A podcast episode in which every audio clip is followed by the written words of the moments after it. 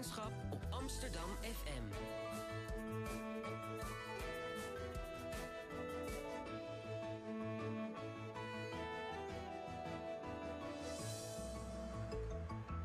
Radio Swammerdam.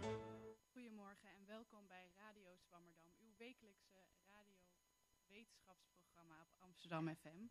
We zijn, er weer, we zijn weer terug van weg geweest. Wout, hoor je mij? Mooi. Ik hoor mezelf niet namelijk.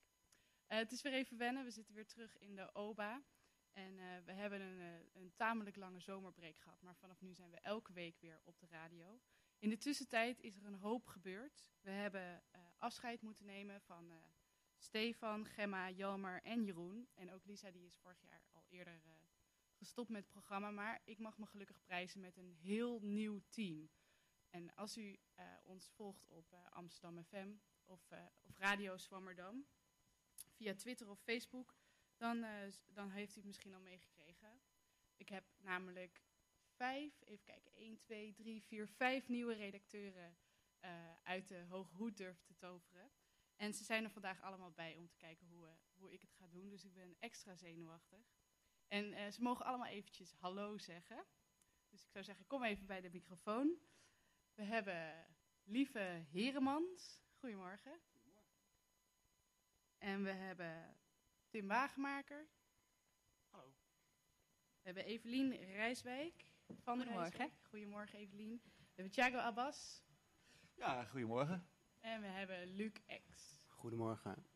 Hallo jongens. Nou, superleuk dat jullie er zijn. Ik ben Sterre ten Houten Lange en vanaf deze week zijn we weer elke week op de radio met twee wetenschappers. Aan, het, aan de opzet is niet zo heel veel veranderd. We hebben elke week gewoon twee wetenschappers die over hun uh, specialisatie praten. En deze week is het niet anders. Echter, we gaan het vandaag niet over een inhoudelijk onderwerp hebben. We hebben het over een onderzoeksmethode. Oh, ze kijken alle twee al een beetje dat ze het niet met me eens zijn. Um, maar in ieder geval, we gaan het hebben over interviewen. Uh, ik heb, hier aan tafel heb ik uh, Gerben Moerman. Hij promoveerde op uh, de manier van interviewen en of het invloed heeft op de informatie die je kunt krijgen als wetenschapper. Goedemorgen Gerben. Goedemorgen Sterren. En ik heb Ger van Westing. En ja. hij is eindredacteur bij Nieuwsuur. En hij doseert journalistiek interviewen onder andere aan de UvA en ook aan de Filmacademie. Goedemorgen. Ja, goedemorgen. En daarnaast hebben we natuurlijk elke week een, een um, columnist aan tafel. En we hebben di vanaf dit seizoen ook weer een nieuwe columnist. Namelijk Bas Belleman. Welkom Bas. Dankjewel Sterren. En u kent Bas misschien nog van vorig jaar. Hij is een keertje bij ons in de uitzending geweest. En hij heeft uh, gesproken over zijn uh, vertaalde Shakespeare-gedichten in het Nederlands. En hij weet ook heel veel over Shakespeare en de kanon van de literatuur. Hoe is het nu om als columnist aan tafel te zitten, Bas? Ja, prima. Leuk. Ja. Je hebt er zin in. Je hebt een mooie column geschreven. Nou, dat mag je straks horen. We zullen zien. Nou, hartstikke spannend. Ja, we gaan het vandaag dus hebben over interviewen. Dus ik mag deze uh, specialisten in interviewen uh, uh, interviewen. Dus ik hoop dat ik het enigszins goed kan, want ze weten natuurlijk precies wat ik allemaal fout en goed doe. Maar voordat ik de oren van jullie hoofd praat, zullen we eerst eventjes luisteren naar alle vragen die Herman van Veen heeft.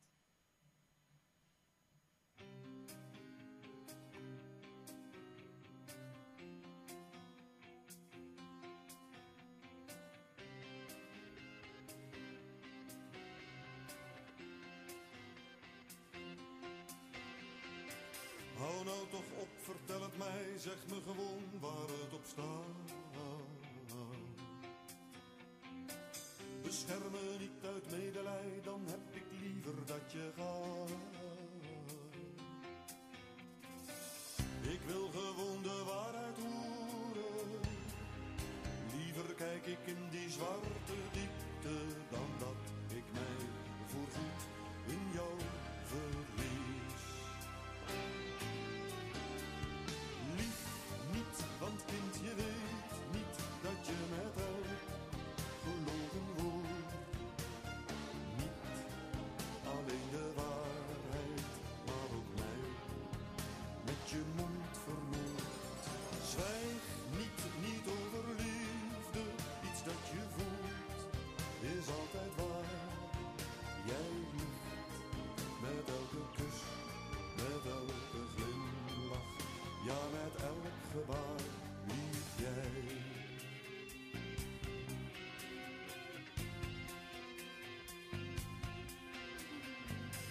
Praat in godsnaam tegen mij ook over pijn, ook over.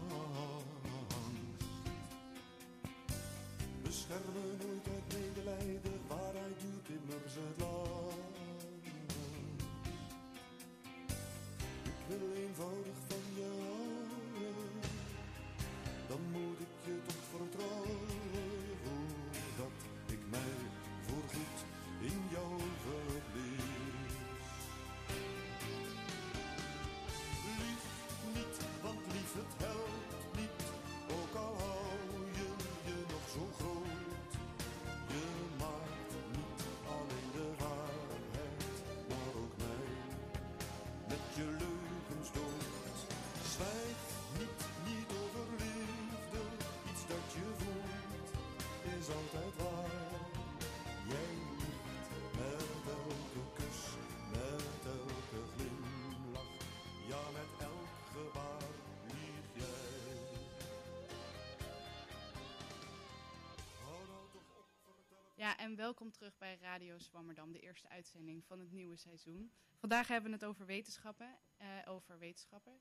En we hebben het ook over interviewen. en we hebben vandaag aan tafel Gerben Moerman. Hij promoveerde op, eh, op interviewen.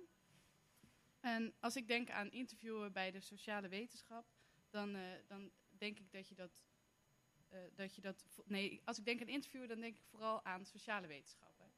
Waarom zou je interviewen als wetenschapper? Gerben. Waarom zou je interviewen als wetenschapper? Ja, welk doeleinde heeft het interview? Ja, nou ja, je kan. Het, doel van zo'n interview is, immens belangrijk. We hadden het net al eventjes eh, erover. Ehm, maar het, het doel van het interview. eh, kijk, op het moment dat je een oral history interview doet, dus een eh, orale geschiedenis. ehm, je wil weten, iemand heeft de Tweede Wereldoorlog meegemaakt en je wil daar een interview over doen. Heb je een totaal ander interviewdoel doel dan wanneer je ehm, eh, kijkt naar hoe mensen bepaalde categorieën gebruiken. Dus bepaalde woorden gebruiken om andere mensen te definiëren of te beschrijven. En dat, bij het een is het doel veel meer, bij zo'n oral history interview is zo'n doel veel meer om aan geschiedschrijving te doen. Ehm, bij dat doel, eh, bij dat type interview waarbij je kijkt naar wat voor categorisering mensen gebruiken, dan kijk je veel meer naar het interview als, als gedrag. Dus eigenlijk gebruik je dat interview dan als een soort moment van observatie. Dus je kunt het interview gebruiken als een middel. En je kunt het interview om, om achter bepaalde informatie te komen. Ja. En je kunt een interview gebruiken eh, om gedrag te bekijken. Ja, dus bij het ene kijk je naar het interview zelf. Dus het interview als, als gedrag. Mhm. en, en het gedrag van zowel de interviewer als de geïnterviewde. Want samen maak je een sociale situatie. En bij het andere, eh, ja, dan gebruik je het interview om te kijken naar iets wat achter het interview ligt. Ehm, zoals bij zo'n eh, geschiedenisinterview, maar dat kan ook bij een interview gaan over iemands opinie of geloof of attitudes of wat dan ook. En eh, eh, als je kijkt naar het interview als een soort gedrag, dan is het eigenlijk een experiment wat je aan het doen bent. Ja, maar je ziet wel dat Kijken er wat er meer en meer als- gebeurt in de sociale wetenschappen. Dat interviews meer en meer bekeken worden met een ja, met wat, wat kritischere lens. En eh, heb je, eh, wel- welke manier heb jij eh, gebruikt in je promotieonderzoek? Allebei, maar vooral, vooral het, tweede, want in mijn promotieonderzoek ging het om de effecten van verschillende manieren van doorvragen. Dus ik moest kijken naar wat gebeurt er in zo'n interview. Veel meer dan spreken mensen de waarheid over iets wat, wat ze vertellen over hun dagelijks leven. Of over of ze wel of niet discrimineren. Of wat ze een Amsterdammer vinden en wat niet. En wat voor manieren van doorvragen heb je getest? Ik heb gekeken naar drie verschillende manieren. En de eerste manier was gereserveerd. En dat is een beetje hummen en eh, eh, zoveel mogelijk jezelf terugtrekken als interviewer en de ruimte geven aan de respondent of informant. Dat is eigenlijk een vrij klassieke manier, zoals, zo heb ik het aangeleerd gekregen op de universiteit. Ehm, de tweede manier is dat wat eh, heel veel sociale wetenschappers doen, namelijk heel meegaan. Oh, goh, interessant en boeiend en oh, geweldig. Kunt u daar wat meer over vertellen? Ehm, meer zo, iets meer ironieën. Ehm, en eh, het derde type is wat meer nieuwsuurachtig en dat is wat meer prikkelend. En dat is vrij ongebruikelijk in de sociale wetenschappen. En Dus- wat bedoel je met prikkelend? Ehm, nou, precies dat. Heel goed. wat, wat bedoel je daarmee? Hoe bedoel je dat precies? Eh, wacht even, daarnet zei je dit en nu zegt u dat. Dan moet je wel twee keer uur gebruiken. Precies. Ja. En, eh, en je ging kijken naar wat voor, waar, je informa eh, waar de meeste informatie vandaan kwam? Of, Ja, eh, ik ging kijken naar de effecten daarvan, zowel op de inhoud. Dus ehm, er zaten vragen bij over vriendschap. Nou is het zo dat als je mensen gereserveerd vraagt of ze, hoeveel vrienden ze hebben, of dat dan tot andere resultaten leidt dan wanneer je dat meegaand vraagt, dan wanneer je dat prikkelend vraagt. En de verwachting was dat dat zo was, dat daar echt verschillen tussen zouden zijn. En dat is dus op de inhoud. En het tweede is eh, de kwaliteit van de antwoorden. Dus de hoeveelheid informatie, de specificiteit van de informatie hoe persoonlijk die informatie is. Je kan natuurlijk een, een façade gebruiken en, en niet zoveel over jezelf zeggen. Ehm, hoeveel relevant en hoeveel irrelevante informatie het oplevert. Mag, En ik even zelf vragen? Hoeveel vrienden zeiden ze dan? Eh, nou, dat verschil dat was nogal. eh, of ha- nou, het bleek dat het totaal onafhankelijk was van de manier van doorvragen. Dat was echt shocking voor mij. Dat heeft een half jaar geduurd voordat ik dat kon Dus het accepteren. maakte niks uit. Het maakte geen ene bal uit. Het is een geweldige vorm van wetenschap waarbij dus de, de hypotheses niet uitkomen. Het bleek namelijk eh, op die hoeveelheid vrienden helemaal niet uit te maken. Wat uitmaakte was hoe mensen vrienden voor zichzelf definieerden. En iemand die, eh, eh, die zegt, ja iedereen, de hele wereld is mijn vriend en ik benader iedereen al- alsof het mijn een vriend is. Ja, die komt op 100 vrienden uit. Eh, maar er waren ook mensen, eh, meer dan genoeg, die zeiden, ik heb helemaal geen vrienden. Echte vrienden bestaan niet. Ik heb wel allemaal kennissen. Dus eh, het varieert van nou, iedereen die vriendelijk begroet, tot, tot mensen die dag en nacht kan, kan bellen. En mensen waren ook immens inconsistent erin. Dus ze zeiden, ik heb eh 25 vrienden. En vervolgens zeiden ze wel van ja, een vriend is iemand die je dag en nacht kan bellen. En wat doe je dan met die inconsistenties? Nou, die zijn juist razend interessant. Waarom? Want die, nou, we zijn, we zijn hartstikke inconsistent als, als mensen. En zeker in onze overtuigingen en, en eh, opinies en zo. En, ehm, en we hanteren allerlei verschillende frames of verschillende denkkaders. Dus op het moment dat de vraag komt, hoeveel vrienden heb je? Dan is er blijkbaar iets anders gevraagd dan bij de vraag, wat is nou een vriend?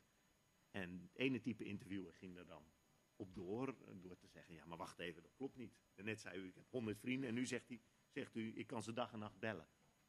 Ja, dan, dan, die prikkelende interviewers zeiden dan, hoe, kan dat nou? Al die 100 vrienden, kun je die dan allemaal s'nachts bellen? En dan moeten mensen eh, gaan praten en gaan uitleggen. Nee, ja, maar dat bedoelde ik net iets anders. Daar zaten mijn Facebook-vrienden ook bij. En die inconsistenties zijn vaak interessant. Maar waarom zijn die interessant? Je zou toch zeggen dat als er iemand een inconsistentie geeft, dan, dan loopt hij gewoon te liegen, toch? Eh, ja, dat, dat ligt er een beetje aan hoe je, hoe je naar zo'n interview kijkt. En, en zeker als je naar zo'n interview kijkt als, eh, eh, Als, tunneltje Ja. naar, naar een waarheid in iemands hoofd. Ehm, maar op het ene moment noem je iemand een vriend en op een andere moment noem je diegene toch wat meer een kennis. En dus je bent, je bent zelf hartstikke inconsistent. Eh, ga eens naar, eh, naar een, een marktje ergens, eh, ja, maakt niet zoveel uit, in India of in, in Sri Lanka. En, en er wordt voortdurend gezegd, you're my friend, please. It's a very special price, only for you. Dus, en, dan, en dan wordt vriendschap op een totaal andere manier gebruikt. Ja.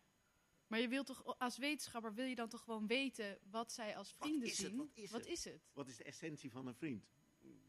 Nou, sommige wetenschappers zijn niet zozeer daarin geïnteresseerd, in een soort essentie, essentie van, een, van een vriend. Maar willen meer laten zien, en dat is in mijn geval zo, willen meer laten zien dat mensen zulke soort begrippen heel in- inconsistent gebruiken. En wat kun je Ik daar vroeg het ook over? Amsterdammers en allochtonen. En dan, Ja. eh, wat is een Amsterdammer en wat is een allochtoon? En nou ja, daar, daar worden hele inconsistente verhalen over gehouden. En dat is hartstikke goed. Kun je een voorbeeld geven van zo'n inconsistent verhaal van Amsterdammers? Van hoe ze Amsterdammers Ja, nou, mensen definiëren dan een Amsterdammer als iemand die eh, geboren en getogen is in Amsterdam. En vervolgens eh, praten ze over Amsterdammers als eh, André Hazes, die, die dan niet meer in Amsterdam woonde. Dus dan speelt het die, die, die, die eis dat iemand in, in Amsterdam moet wonen, die speelt dan geen rol meer. Of iemand uit Purmerend. In Purmerend, daar wonen de echte Amsterdammers. Maar eh, heb je dan niet zoiets als wetenschapper van... Ja, oké, maar je, je weet dus eigenlijk niet eh, hoe je, wat je categorie is. Of je, of je zegt maar wat tegen mij. Ja, maar dat doe je in het dagelijks leven ook. Dat gebeurt constant. Eh, eh, dus, dus ik geloof niet dat er een essentie van een Amsterdammer is. Of een essentie van een allochtoon. Er is een, voor allochtoon is er een definitie van het CBS. Eh, namelijk iemand eh, die zelf of van wie een van beide ouders in het buitenland geboren zijn. Iedereen kent die definitie. En iedereen hanteert hem op een andere manier. En dat wilde ik laten zien. Of tenminste, dat, dat, eh, juist die inconsistenties, die, die vind ik interessant en boeiend. Want die laat zien hoe, hoe dat taalgebruik eigenlijk eh, eh, ons, onze samenleving maakt. Veel meer dan dat de samenleving taalgebruik maakt. En dat is een abstracte zin, ik sorry. Ja, maar- nee, ik zit even na te denken over hoe ik dat dan kan uitleggen. Ik begrijp wel wat je zegt. Begrijp ik dat je bedoelt dat, zeg maar, als je een categorie hebt, dat is een woord, zeg maar, laten we zeggen Amsterdammer, Ja, dat de definitie van dat woord niet ons dagelijks taalgebruik, ons dagelijks leven beïnvloedt, maar de manier waarop we dat woord selectief inzetten, Ja. dat, dat, hem, dat dat ons dagelijks leven. Soms is het relevant om iemand als Amsterdammer te bestempelen. En in andere situaties is het relevant om dat juist niet te doen. Al die hordes studenten die elk jaar hierheen komen, dat zijn echte Amsterdammers. Soms, maar soms ook absoluut niet. En dat ligt aan de context. Dus dat is eigenlijk waar je onder andere het, eh, het interview bij wetenschap, wetenschappelijk interview van, voor kunt gebruiken. Hoe praten mensen over hun, eh, hoe zien ze de wereld, hoe praten ze daarover, Op- wanneer gebruiken moment, ze ja. bepaalde woorden en hoe heeft dat invloed op manier, manier waarop ze... Ja, dat is dus wanneer je zo'n wat meer op de situatie gerichte bril eh, opzet. Ja. En natuurlijk kun je ook zo'n interview gebruiken om te kijken van ja, wat zijn de achterliggende eh, opinies. Maar je kunt discussiëren of die opinies iets heel vast zijn of dat dat wat meer fluïde is. Ik ben heel benieuwd hoe, we, eh, hoe je zometeen, eh hoe we zo, zometeen gaan we te horen krijgen waar je het journalistiek interview allemaal voor kunt gebruiken en hoe zij omgaan met inconsistenties. Maar eerst eh, gaan we luisteren naar de vraag van Ilvis, namelijk wat een vos eigenlijk te zeggen heeft.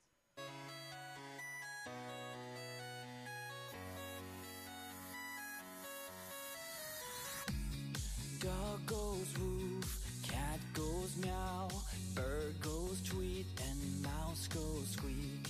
Cow goes moo, frog goes croak, and the elephant goes toot. Ducks say quack, and fish go blub, and the seal goes ow, ow, ow. But there's one sound that no one knows.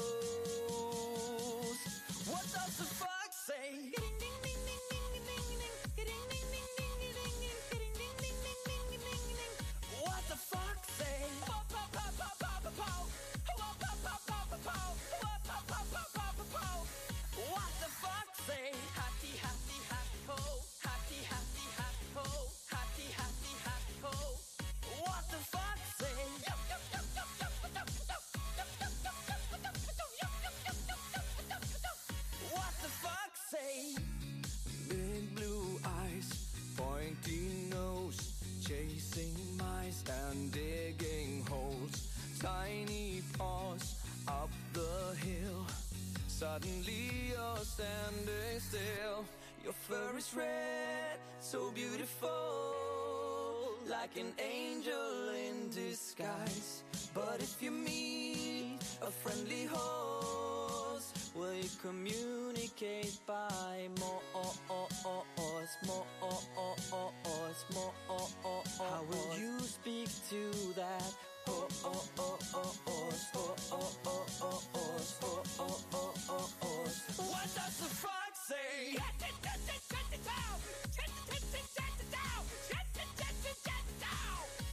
the fuck say?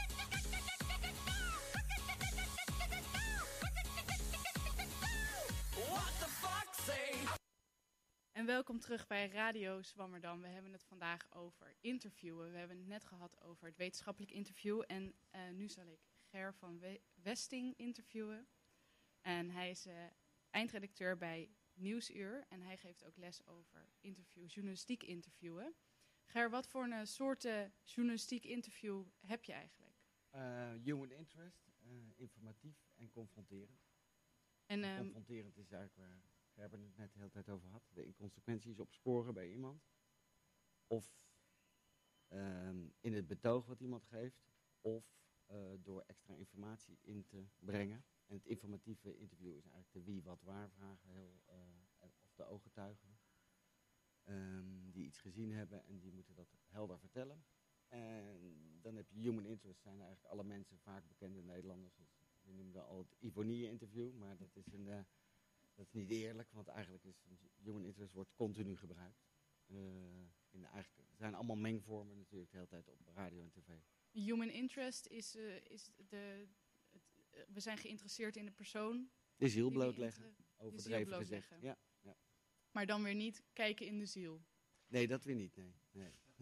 nee dat Dat zijn, wat voor een interviews zijn dat? Nou, het is een inf- ook- een combinatie van, eh, van informatief en dan even een mening van iemand erover. Dus een persoonlijke kwalificatie over wat ze net aan informatie hebben gegeven. En dan zit er ook vaak een confrontatie in. Socrates-methode wordt ook toegepast. De. Socrates-methode? Ja, dat is eh, eh, iemand naar een bepaalde, door verschillende perspectieven aan te bieden, mensen naar een bepaalde grens duwen. Om het zo maar even te zeggen. En dat is eh, wat ze doen bij het... De achterkant van het gelijk was dat vroeger, met bestuurders en verantwoordelijken. Is er iets met de microfoon? Oké, great. Is het wel eh, te verstaan? Ja? Ja. Oké, gelukkig. Ja, ik krijg Maar het ik, ik hoorde net, ik, toen ik hier naartoe kwam, hoorde ik eh, OVT. Dat is dus onvoltooid verleden tijd, het VPRO-programma. Ja. En dat ging over de muur. En dat was een heel leuk voorbeeld van allerlei soorten interviews die kwamen langs. Want het is een special uit de Melkweg. En eh, er waren allerlei gasten. Eh, maar het begon met een ooggetuigenverslag van een stuk muur wat voor de Melkweg werd neergetakeld. Dus dat was een live verslag van eh, Jos Palm, de presentator. Dat was dus informatief, ooggetuigen. Maar dat was Vervol- geen interview. Nou ja, een beschrijving. En Ja. vervolgens ging hij de, de man die dat aan het takelen was interviewen. En dat werd een human interest interview. En Hij vroeg of hij blij was dat het gelukt was en dat dat ding niet eh, neergestort was. Vervolgens werd er aan eh, Martin Simek gevraagd, de, die ooit uit Tsjechoslowakije vluchtte, eh, wat hij deed op het moment dat eh, de muur viel. En toen zei hij, dat weet ik niet meer. Nou, weginterview. Ja, weginterviewen. En toen zei de interviewer ook, ja, we weten dat, we hebben jou uitgenodigd om je te interviewen, maar we weten dat je nooit antwoord geeft op de vragen. En dat is het probleem natuurlijk bij interviewen. Dat is belangrijk van interviewen. Iemand moet jou het gunnen. Hè? Dus Ja. als je heel persoonlijke vragen aan iemand gaat stellen, dan is het de, vra- de vraag, geef ik die antwoorden, ben ik eerlijk? Hè? Net over vriendschap ging het. Dat zijn natuurlijk hele intieme gesprekken. En eh, nou, daar kun je natuurlijk heel erg mee marchanderen als geïnterviewde. Journalistieke interview is ervoor om dat bloot te leggen. Om te luisteren van, hé, hey, net zei je dit en nu zeg je dat. En waar zit dan de, eh, het verschil en waar eh, zit de pijn? En als het dan om beleid gaat, bijvoorbeeld Martin van Rijn, de staatssecretaris, eh, beroemd voorbeeld van deze week, die heeft een bepaald beleid, dat raakt heel veel mensen. Eh, heel veel mensen komen daar tegen in verweer. En uiteindelijk wordt hij dus op een human interest ma- manier, namelijk over zijn eigen ouders, geïnterviewd. Eh, en daar gaat beleid en dus informatief en eh, human interest gaat schuren. Confronterend en human interest. Nee, nee, nee. Informatief. Informatief, namelijk u, u gaat dat allemaal eh, decentraliseren, u gaat bezuinigen op de verpleeghuizen, maar uw eigen moeder eh, zit nu eh, met urine langs haar benen, wordt niet verzorgd. Hè? Dat, dat was het verhaal. Ehm, en uiteindelijk wordt dat dus confronterend. Want hij moet dus eigenlijk toegeven dat zijn eigen beleid niet werkt. Dus deze drie soorten interviews, eh, die, worden, die worden allemaal door elkaar heen eh ja, vaak gebruikt. wel, ja. En ehm, eh, even kijken, we hebben het net al gehad over de methode die je doet als je een confronterend interview doet. Prikkelende vragen stellen ehm, en mensen eh, bevragen over de inconsistenties die ze in een, eh, in een interview doen. Of interview geven. Ja, dat is in het heel kort, ja. Ehm, en wat voor technieken gebruik je als je informatief interview wil? Nou, dat is vooral selecteren. Dus als wij Bas gaan interviewen over Shakespeare, we hebben vijf minuten eh, de tijd, of een uur, dan vragen we eigenlijk aan Bas, kun jij 99,9% van jouw kennis over Shakespeare uitschakelen. En zo simpel mogelijk vertellen dat de leek begrijpt, en dat geldt ook voor Germen, dat de leek begrijpt wat je bedoelt. En eh, ligt dat dan aan een wetenschapper die geïnterviewd wordt of aan de eh, Nee, de, interviewer? de, de, de interviewer is dan een soort eindredacteur. die gaat editen of eh, redigeren. En eh, gaat zeggen van nou dat willen we wel horen en dat willen we niet horen. Dus Ja. laten we bijvoorbeeld één gedicht nemen. Laten we bijvoorbeeld, of één strofe. Dus je gaat heel de tijd selecteren. Je gaat een voorbeeld nemen, een voertuig nemen waar aan de hand waarvan je de informatie vertelt. En dat is iets wat je van tevoren eh, afspreekt met Nou, jij doet eerst een voorgesprek en dan ga je dat, of je leest een boek of weet ik veel wat. en je gaat het helemaal ruim opzetten en vervolgens ga je het verkleinen naar één voorbeeldje. Met, eh, waar, waar, aan de hand waarvan de geïnterviewde de informatie kan overdragen. En is dat dan nog wel echt een interview? Of zitten ze eigenlijk meer een soort eh, toneelstukje met z'n tweeën te spelen? Zoals Gerben en ik net gedaan hebben. nee, het kan best een interview zijn, ja. ja, ja. ja want want, want het, het is eerst gewoon kennisoverdracht. En vervolgens kun je nog vragen, wat deed die strover met jou, Bas? Of waar las je dat? Eh, Ja, in bad of in bed of eh, op vakantie. En dan wordt het human interest. Ja. Snap je? Dus dan wordt het een heel ander soort interview. Shakespeare. Ja, Ja. dan, dan eh, Nou ja, dan verenigt wel het beste van twee werelden Ja, natuurlijk. ja. Hè? Nee, maar snap je? Dus, het, de- dus het, ja, dat kan nog best een Dus spontane het is alsnog wel een Ja. interview. En wat is eigenlijk, eh, je geeft ook heel veel les over interviewen. Ehm, wat, eh, wat is de grootste fout die, eh, die eh, beginnend interviewers maken? Nou, wat je nu doet is heel goed, want je, vraagt naar een uiterste. Dat is de grootste fout. En niet, eh, eh, dus een uiterste en eh, iets, dat, dat is een hele goede techniek om dat te vragen. Dus niet, nou, het meeste, grootste fout is meer keuzevragen stellen. Dus vind je dit of vind je dat? Leading questions, continu je mening in een vraag stellen. Dat, dat gebeurt aan de lopende band en dat betekent dat mensen altijd het antwoord beginnen met nee en dan een antwoord gaan. Dat is een hele vermoeiende manier van interviewen. Dus eh, je moet meer eh, open vragen stellen. En, eh, Ja. en meer, maar meer keuze als je vier opties geeft. Als je iemand Ja, maar confronterend bijvoorbeeld wil bij een hebben. politicus, die pakt dan altijd de makkelijkste. Wat voor hem het beste Hmm, uitkomt. ja. Dus het is gewoon niet handig. Je kunt beter open vragen. Dan gaat iemand zelf vertellen wat hij vindt. En ehm, je, zeg, je vertelde mij ook voor de uitzending dat je heel veel oefent Ja. eh, met, de, met de leerlingen. Waarom is het belangrijk om, eh, om te oefenen? Nou, om allerlei redenen. Ik, oefen, ik neem eh, allerlei interviews op met de camera. Ehm, dan zie je hoe mensen elkaar bejegenen. Dat is al heel belangrijk. Eh, of ze van tevoren vragen, moet ik u of moet ik je zeggen? Eh, of ze eh, iemand aankijken, stimuleren, non-verbaal. Dat is ook heel belangrijk.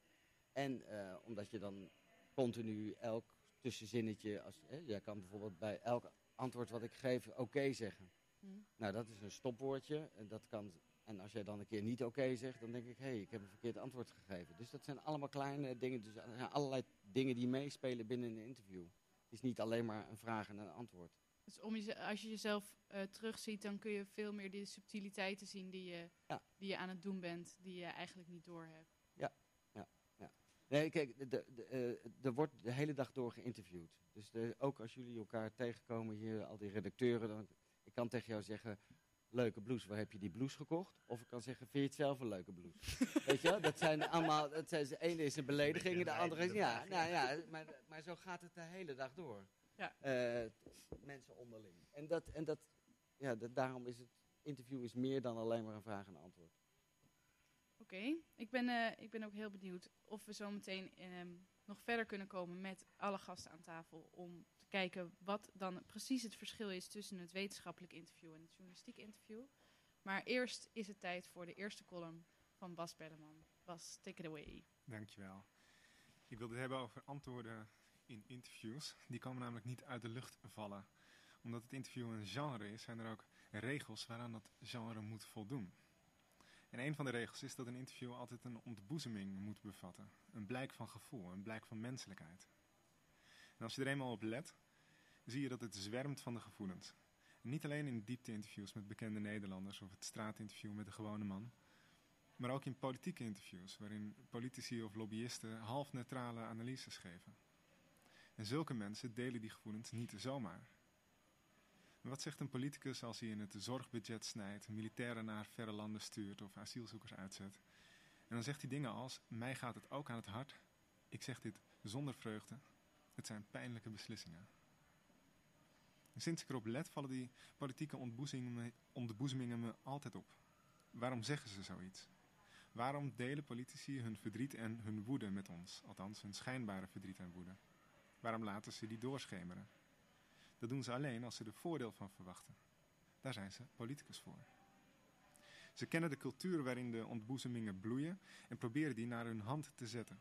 Ze weten precies welke rol gevoelens en zielenroerselen in onze gesprekken spelen. We weten ook meteen, laten we een voorbeeld nemen. Ik heb een keer een oppositiekamerlid geïnterviewd die lachend tegen mij erachteraan zei, en we zijn natuurlijk woedend hè. Hij verwacht dan dat dat zijn punt versterkt. Een ander voorbeeld, als iemand zegt dat hij iets zonder vreugde doet of een pijnlijke beslissing moet nemen, dan weten we meteen wat voor politicus dat is. Dat is niet het opgewonden oppositiehaantje aan de interruptiemicrofoon. Dat is een goede bestuurder. Die zich niet met spektakel en onderbuik bezighoudt, maar met verstand en redelijkheid. Goede bestuurders kunnen meestal op een zekere sympathie rekenen. Ze schuiven argumenten heen en weer, ze puzzelen met budgetten en prioriteiten, ze houden de grondwet in de gaten. Met andere woorden, ze bedrijven een veredelde vorm van boekhouden en ze mogen meestal in de luwte hun werk doen. Ze krijgen ons vertrouwen. Voor de meeste problemen zullen ze heus wel een redelijke oplossing vinden. Maar als ze pijnlijke beslissingen moeten nemen, dan kan die rationaliteit opeens tegen hen gaan werken. Hun vertrouwenwekkende saaiheid verschiet van kleur en ziet er opeens kil uit. Wat ze dan nodig hebben, is een bewijs van een zuiver hart. Ze moeten laten zien dat ze het kompas van de emotie kunnen lezen en daarom tonen ze gevoel. En wij snappen dan meteen wat er gebeurt. Als iemand gevoel en reden verenigt, dan komt hij op een hoger niveau. Een niveau dat we wijsheid noemen. En tegen wijsheid kun je weinig inbrengen. Die discussie verlies je altijd. Geen wonder dat een politicus graag wijs wil zijn. Nog één stapje verder. In die interviews fonkelt ook een mystieke diamant. Waar doet de politicus aan denken die zonder vreugde, met tegenzin, ondanks alle pijn, tot zijn overtuiging komt? Die doet denken aan een onwillige profeet tot wie gesproken is. Iemand die tegen zijn zin het licht en de waarheid ziet. Dan weten wij wel, die heeft gelijk.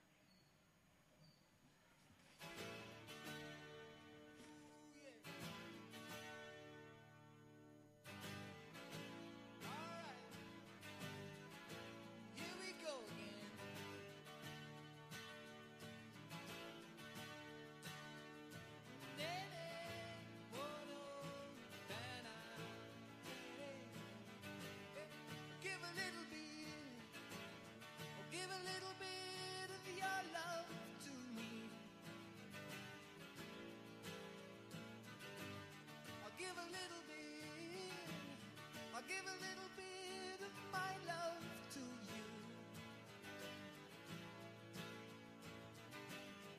There's so much that we need to share. So send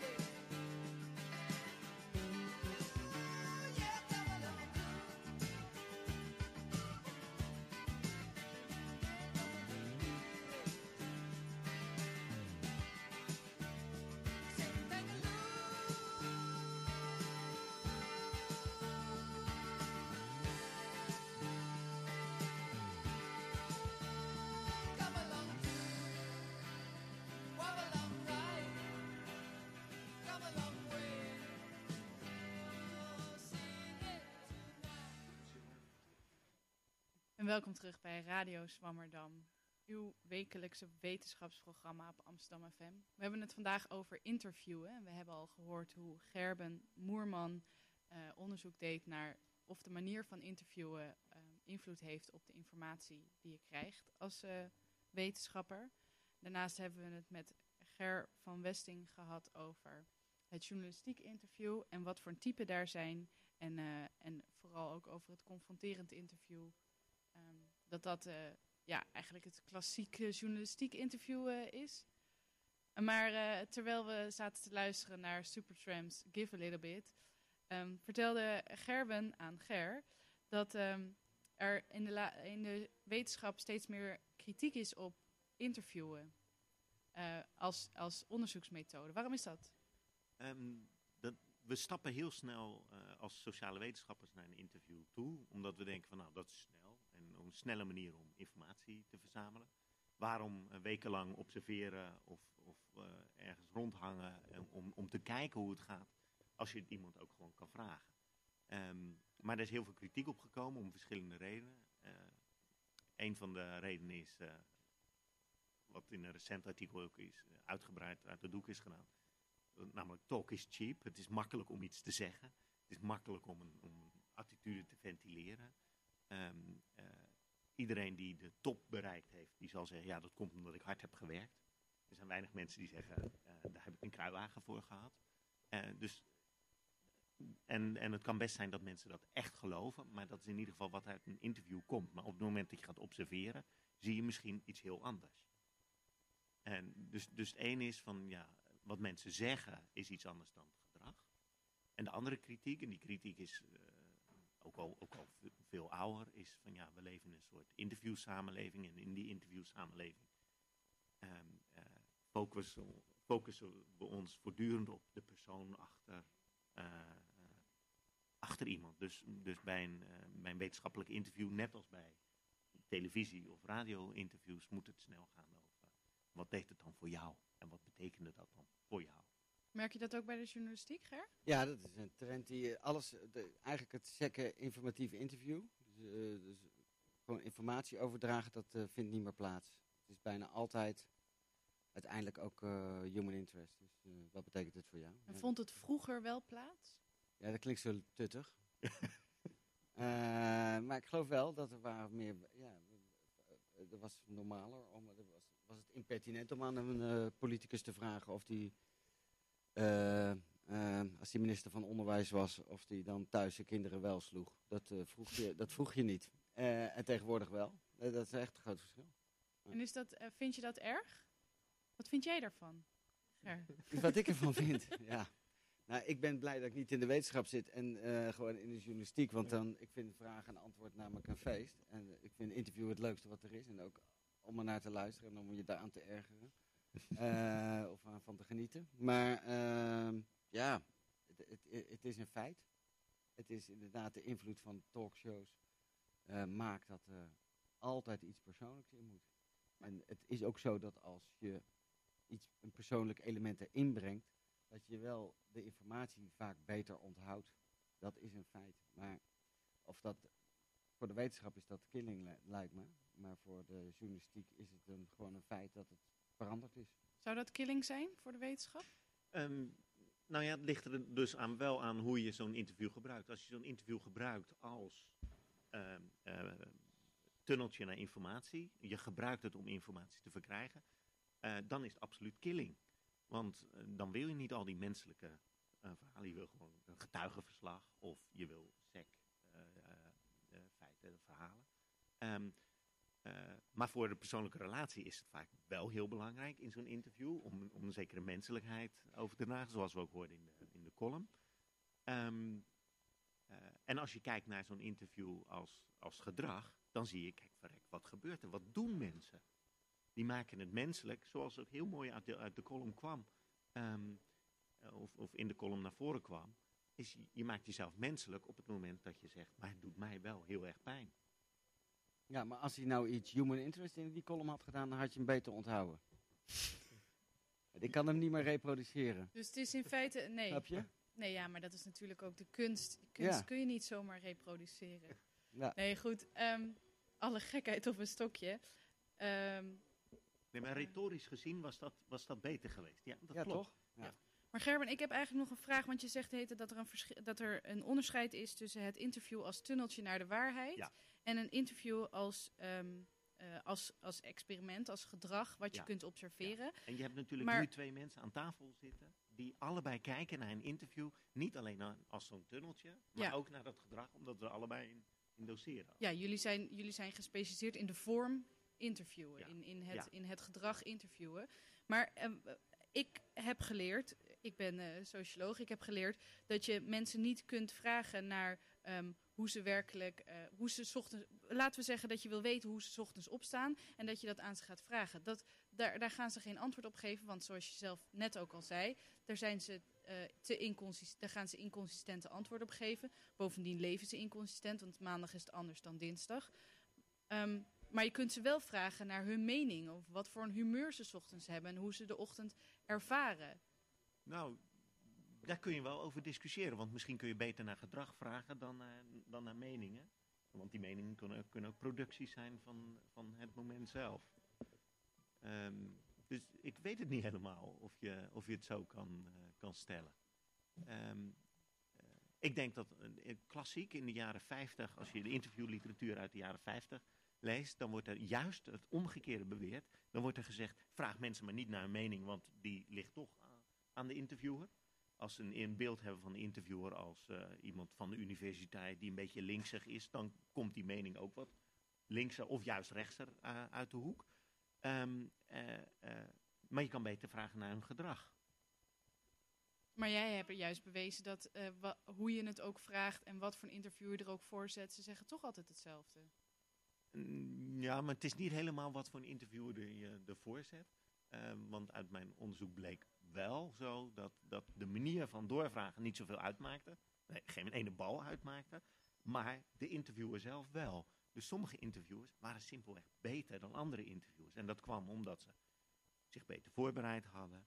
ehm, eh, grotere variaties gebruikten aan verschillende soorten manieren van, van eh, eh, verschillende soorten doorvragen. Dus niet alleen maar vragen, heeft u daar een voorbeeld van? Eh, slechte interviewers vragen alleen maar dezelfde vraag.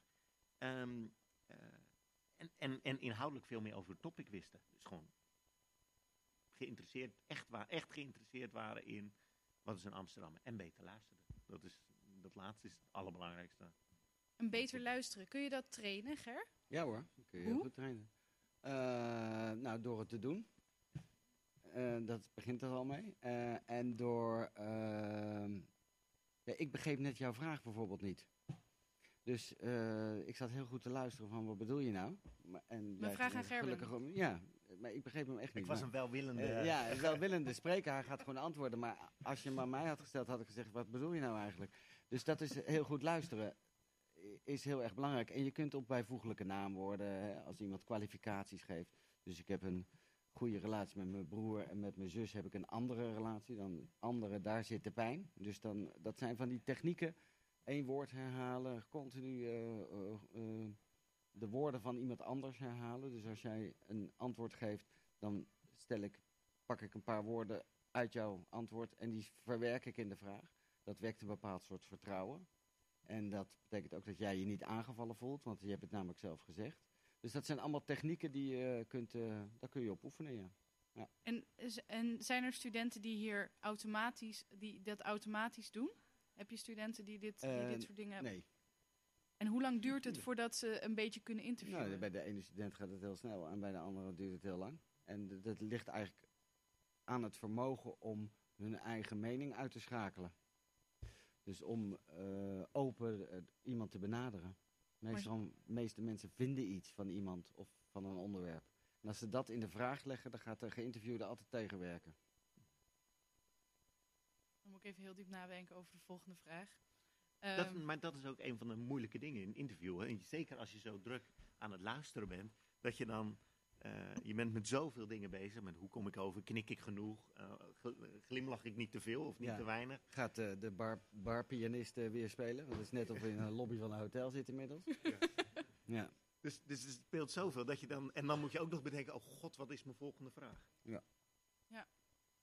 Ja. geen makkelijk. Stil te laten vallen is ook heel een goede interviewtechniek. Ja, jullie zijn hele gewillige eh geïnterviewden die gelijk invullen als ik, een, eh, als ik een vraag stel. Ja, wat ik verder nog eh, wilde weten is, eh Gerben, zie je, we hebben het net met eh, Ger gehad over, eh, lekker verwarrend deze namen. We hebben het net met Ger gehad over het informatief, de drie soorten interview bij de Ja. journalistiek. Informatief, human interest en confronterend. Ehm, zijn die drie ook op deze manier te vinden in de, in de wetenschap? Ehm, nou ja, daar, daar, de, de klassificatie van verschillende vormen is vaak wat anders. Eh, maar je, ik, herken, ik herken die elementen absoluut. En het punt net over de interviewsamenleving was ook dat dat human interest steeds meer ook in de wetenschap terechtkomt. Ja. Dus het gaat om de persoonlijke verhalen van, eh, van individuen. Eh, of dat nou iemand van de straat is, of dat dat, dat expert-interviews zijn. Maar dat human interest element, dat moet er wel meer inkomen. En klassiek gezien zijn wetenschappelijke interviews vooral op informatie gericht. Ehm, eh, en dat confronterende, dat confronterende is, is, is vrij ongebruikelijk, maar is, is wel wat meer de vorm waarin dan het interview plaatsvindt. Dus het komt wel eens voor, maar het is niet per se. Het, het is niet onder. Hoe heet het? Het wordt niet gebruikt eh, om ergens te komen als wetenschapper. Nou, het, wordt wel, het wordt wel gebruikt, maar het wordt, wordt selectief ingezet. Op het moment dat je iemand, een expert interviewt en je hebt andere informatie waarbij je weet van ja, dit, dit, dit, dit zegt u nu wel, maar eh, uit andere informatie weet ik dat het ook anders kan zijn, dan, dan zeg je dat. Maar dan wordt het heel selectief op een bepaald moment gebruikt. Zo'n mengvorm, zoals Ger ook net al zei. Maar ik kan me voorstellen dat als je als, dat je als journalist in een eh, radio- of televisieprogramma een confronterend interview gebruikt om aan het publiek te laten zien dat deze bewindsvoerder eh, eh, vals is. Of eh, in ieder geval eh, eh, Zitten liegen. zit te liegen. Ja, of- dat is ontmaskeren. Ja. Precies. Mislukt ook bijna altijd, maar het is wel eh, leuk om naar te kijken. Als ze het proberen. Ja. Tuurlijk. maar maar dat, ik neem aan dat je dat niet als, als wetenschapper Is, hebt. wetenschapper is het doel niet, meestal niet een scoop. Maar ehm, niets menselijks is ons vreemd. Op het moment dat je doorhebt van ja, dit klopt niet, dan is het ook wel razend interessant zelf om te kijken, ja, maar waarom zegt Stapel, iemand hè? iets? Ja, ja. waarom, waarom zegt iemand iets en, eh, en, en, en ik heb informatie dat het gedrag heel anders is. Dan, dan ga je daar wel in zitten peuren en, en je hebt dus Zo. eh, eh, interviews met leken en interviews met specialisten. Ja. Kun je, kun je aangeven wat het moeilijkste is aan een specialist interviewen? Nou, die zijn vaak getraind. Getrainde respondenten, getrainde informanten. Ehm, eh, en dat is lastig, een eigen agenda. Iedereen heeft een eigen agenda, want ook een leek heeft een, heeft een eigen agenda. Ehm, en als interviewer moet je daarmee eh, eh, eh, mee omgaan. Maar een specialist is dan ook nog eens getraind in het, in het, in het afweren van de vraag. En eh, wat zijn volgens Met jou name de, na, na de- mediatraining. Nee, denk ja, ik, precies. dus, Ja. hè? Wat? Met name na mediatraining. Ja, dat is bloedirritant. Eh, Mensen die, eh, wat je ook vraagt, die geven, vertellen gewoon hun eigen verhaal. Dat, wordt- dat wordt dan ook geleerd. Dus dat, dan krijg je nooit antwoord op een vraag. Maar dat is gewoon, ik wil dat communiceren aan de kijker. En dan En kan dat human- ga ik vertellen. En dan kan human interest wel een manier zijn om, om het te doorbreken. Nee, maar dat is ook geen, eh, ik verwerp de human interest helemaal niet hoor. Ik vind het een hele leuke manier van eh, eh, vragen stellen. Alleen, eh, ik verwerp wel dat het de overhand neemt. Ehm, ja, ik denk dat ik al mijn vragen heb gesteld. Zijn er misschien nog van de redacteuren die hier aan tafel zitten, of eh, die we hier hebben, die een heel prangende vraag hebben, die ze de hele tijd al willen stellen? Ja. Oh, Lisa is eh, vandaag ook aanwezig. Oh, Luc, Luc. eh, ga jij maar eerst. Goedemiddag, ik had een vraag aan Ger. Ja, Ger, wat is nou de beste openingsvraag die je ooit aan een politicus hebt gesteld? ja dat, kan ik, dat kan ik niet zo letterlijk reproduceren. En de Dus- laatste keer? Nee, maar ik, st- ik stel bijna geen vragen meer. Ik stel ze op voor, in samenspraak met de presentator. Nee, ik weet het. Ik, ik kan er geen antwoord op geven. kan je er één noemen van tv, een voorbeeld waarvan je dacht dat was een goede openingsvraag? Nee, nou, ik weet, eh, eh, ik ken wel een voorbeeld van een vraag van Theo van Gogh aan Jan de Bouvry. Dat vond ik wel een leuke vraag. Bij een prettig gesprek. Toen zei hij, als je een elektrische stoel moet ontwerpen, hoe zou die er dan uitzien? En dat vond ik een leuke openingsvraag. Die prikkelde nogal. En waarom precies? Ja, omdat het eh, zijn wansmaak verbindt met de dood. Om even van, de, van het pad te brengen. Ja, gewoon om hem even te ontregelen. Ja, dat, Ger, dat- hoe belangrijk is een openingsvraag? ja de, als, als die misgaat, dan is vaak het hele interview weg. Dat bepaalt de sfeer, bepaalt de toon, bepaalt, eh, ja, bepaalt eigenlijk alles. Ja. Lies, jij had ook nog een dus. vraag? Ik heb een laatste vraag. Ik hoor dat we niet meer zoveel tijd hebben. Maar ik was heel benieuwd. Wie willen jullie nog een keer interviewen? Wat willen jullie weten? En hoe zouden jullie dat aanpakken? Ja, eh, kunnen jullie dan ook even de uitgebreide eh, voorbereiding er ook bij zeggen? Hey, Ger, weet je wie je zou Nee, willen nee, interviewen? iedereen. Ik, ben, eh, ik vind nee, elk interview weer opnieuw spannend en leuk. En als je goede research doet, want dat vond ik heel belangrijk wat Gerben zei. Goede voorbereiding, alles weten van iemand. de inhoudelijk ook eromheen bellen, weten waar de pijnpunten zitten bij iemand. En als je een interview goed wordt opgebouwd, is het altijd een feest. Gerben, weet je inmiddels wat je, wie je zou willen interviewen? Nee. Nee? Nee, ja, je kan van alles bedenken, maar puur eh, in de wetenschappelijke interviews gaat het vaak niet om één individu of een paar individuen of een paar celebrities. Er zijn best wat celebrities die ik zou willen interviewen, maar dat is gewoon puur omdat ik dat zelf interessant vind. Maar dat is niet vanwege een wetenschappelijke interesse. Ehm, eh, want vaak gaat het in, in sociaal-wetenschappelijke interviews toch om, je wil een deel van het publiek eh, interviewen. Dus het gaat om meer mensen en dat zijn allemaal vergelijkbare interviews. Ehm, dus, sorry Lisa. Nee. Toch wel een leuke vraag om te stellen. Ik eh, denk dat ik er ook nog even over na moet denken. Eh, we zijn inmiddels aan het einde van het programma gekomen. En eh, ik wil jullie heel erg bedanken voor jullie eh, aanwezigheid en alle dingen die jullie mij en ook eh, de redacteuren die aanwezig zijn eh, hebben geleerd. Volgende week zijn we er weer. Eh, dan is de ontgroening van Lieve Heremans. En hij heeft een, eh, een pittig onderwerp uitgekozen. Lieve, waar gaan we het over hebben? Eh, we gaan het hebben over het uitgaansleven in Amsterdam en de daarbij aan verbonden drugscultuur. Hartstikke interessant. Een echt Amsterdams onderwerp. Ehm, ik wil graag iedereen bedanken die vandaag heeft meegewerkt aan de uitzending. Dat zijn Gerben Moerman en Ger van Westing. Eh, Wout Kruijf en Luc X hebben vandaag de techniek gedaan. Ik was Sterre ten Houten de Lange. En volgende we zonden uit vanuit de OBA. ehm, op de eerste verdieping bij Amsterdam FM eh, eh, Studio is dit. U kunt altijd eventjes komen kijken. We zitten hier vanaf deze week weer elke week. En u bent van harte welkom. Volg ons ook op Twitter en Facebook, Radio Zwammerdam. En voor nu gaan we luisteren naar Carla Bruni, die nog eventjes vertelt wat haar allemaal verteld is in het Frans. En ik wens u een hele fijne zondag.